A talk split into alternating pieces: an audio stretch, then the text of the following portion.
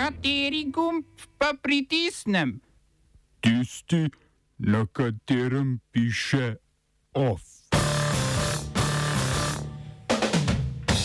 Predsednik Ašraf Gani v Združenih arabskih emiratih, številno prebivalstvo še vedno ujeto v Afganistanu.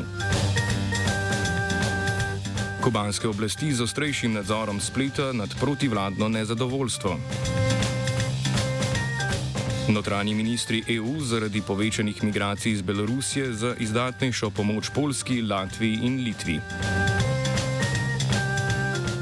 Šolsko ministrstvo za novo šolsko leto predlaga pouk po modelu B in samo testiranje.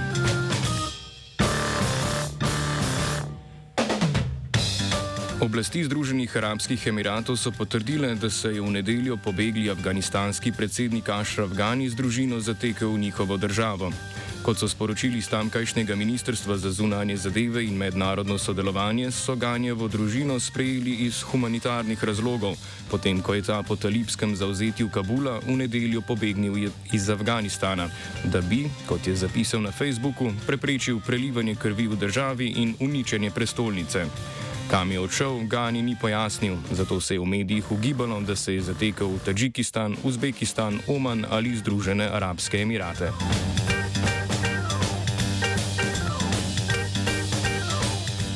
Pot iz države pa v strahu pred novim režimom še naprej iščejo številni Afganistanci, pa tudi preostali predstavniki mednarodnih sil. Potem, ko je od nedelje po navedbah predstavnika zahodnih varnostnih sil z njega odletelo 8000 ljudi, kabulsko letališče še naprej ostaja oblegano. Varuje ga 4500 ameriških vojakov, očividci pa poročajo, da talibi, ki nadzorujejo poti do letališča, kljub drugačnim obljubam ljudem preprečujejo odhod. Vse bolj neprehodne pa so tudi kopenske poti. Pakistan je že pred talibskim zauzetjem Kabula zaprl meje z Afganistanom, kasneje pa njihov prehod močno omejil.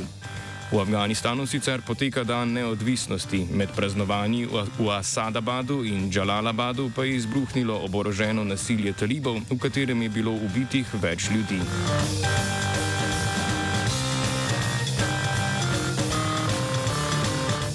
Mednarodna skupnost ostaja osredotočena na evakuacijo svojih predstavnikov izpod Hindukuša. Ameriški predsednik Joe Biden je po številnih kritikah napovedal, da bo ameriška vojska v Afganistanu ustrajala, dokler ne bodo evakuirani vsi ameriški državljani in njihovi zavezniki, če bo treba tudi po 31. avgustu.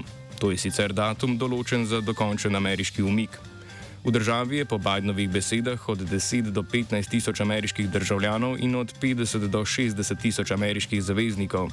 Slovenija je v tem kontekstu pripravljena sprejeti do pet afganistanskih sodelavcev Evropske unije. Ta hip pa naj bi reševala dva sodelavca slovenske vojske z družinama. Od petih slovenskih državljanov, kolikor jih je bilo v Afganistanu prejšnji teden, se je štirim že uspelo umakniti iz države, eden pa se je odločil ostati.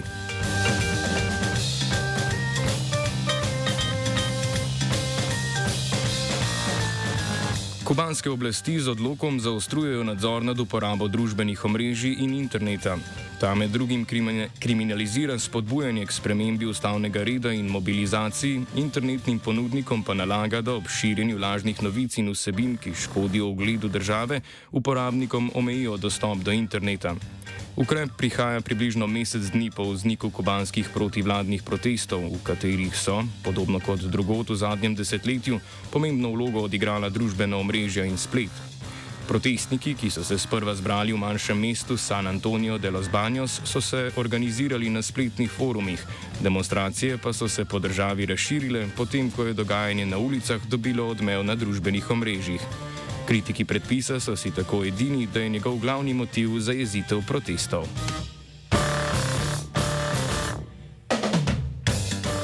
Notranji ministri držav članic Evropske unije so se na izrednem zasedanju po torkovem incidentu na litovsko-beloruski meji strinjali, da v države, ki se soočajo s povečanimi migracijami iz Belorusije, pošljajo dodatne strokovnjake in potrebno tehnično opremo. Ob tem so Evropsko unijo pozvali k dodatni finančni pomoči in se zauzeli za krepitev nadzora na zunanji meji.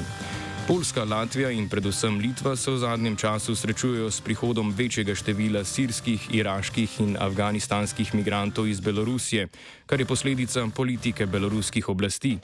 Te namreč z omogočanjem migracije odgovarjajo na podporo, ki jo Evropska unija izkazuje proti vladnim protestom. V Litvo je letos do popolnega zaprtja meje z Belorusijo prišlo več tisoč migrantov, v torek pa je na njeno ozemlje zato, da bi omogočili nove migracije, udrlo tudi 12 beloruskih specialcev. Oba, če bom odgovoril na angliški. Slovenija bo poskušala pomagati. Slovenija bo naredila naš utmost, da bo rekla, da je situacija naš problem, sami. In da bomo naredili nadaljnje korake, as soon as the conditions are. Bomo vlado Marjana Cererera Šarca podprli. Zelo, zelo resno. Slovenija. Vemo, kako in bomo. Predstavniki Ministrstva za izobraževanje so na sestanku z ravnatelji in drugimi deležniki za prihajajoče šolsko leto predlagali pouk po modelu B. Glede uveljavljanja pogoja PCT za zaezitev širitve novega koronavirusa pa predlagajo samo testiranje za necepljene šolnike. Poleg osnovnošolcev zadnjega triletja in dijakov bi se lahko trikrat na teden samo testirali tudi učitelji, kar pa mora potrditi še vladna svetovalna skupina za COVID-19. Stroške testov bi nosili delodajalci, medtem ko bi bili za dijake brezplačni. Glavni tajnik sindikata vzgoje, izobraževanja, znanosti in kulture Slovenije, Branimir Štrukel, ki je nasprotoval testiranju necepljenih šolnikov na lastne stroške in se zauzemal za samo testiranje, ocenjuje, da je to edina pozitivna točka včerajšnjih predlogov ministrstva. Še vedno pa ostaja precej odprtih vprašanj. Nas skrbi kako bomo v šolah, tako ravnatelji kot učiteljstvo in drugi zaposleni sploh lahko funkcionirali, glede na to, da ni niti ustreznih eh, zakonskih oziroma pravnih podlag za izvajanje eh, posameznih elementov tega načrta, kot je recimo ta trenutek Eh, eh, je manj znano, da sploh ni podlage za kakršno koli obvezno testiranje, ne v vrtcih, ne v šolah, ker je bilo to uh, ukinjeno 20. julija uh, in uh, samih predpisov pa še ni, ne, tako da je ta reč resna.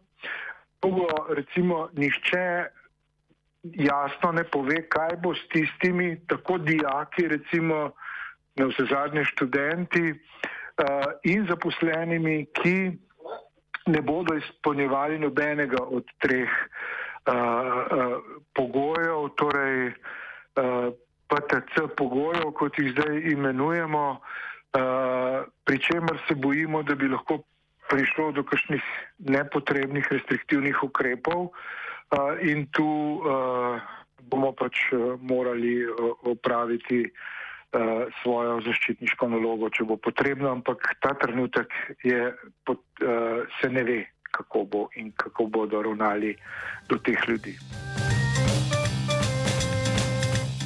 Več v offsajdu o petih, premijer Janez Janša pa je ob dogajanju v zvezi s šolniki pripomnil, da bo testiranje od 23. augusta plačljivo za vse razen za izvajalce oziroma zaposlene v dejavnostih, v katerih je pogoj PCT predpisan z odloki. Če bo uvedeno samo testiranje, pa bo tudi to veljalo za vse in ne samo za šolnike.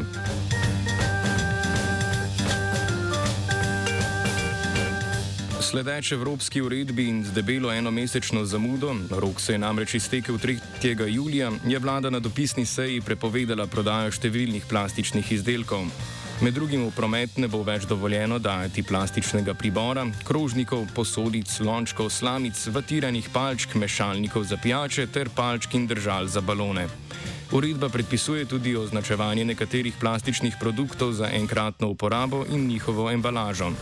Označeni bodo morali biti higijenski uložki, tamponi, aplikatorji za tampone, vlažilni robčki, lončki za pijačo in tobačni izdelki s filtri.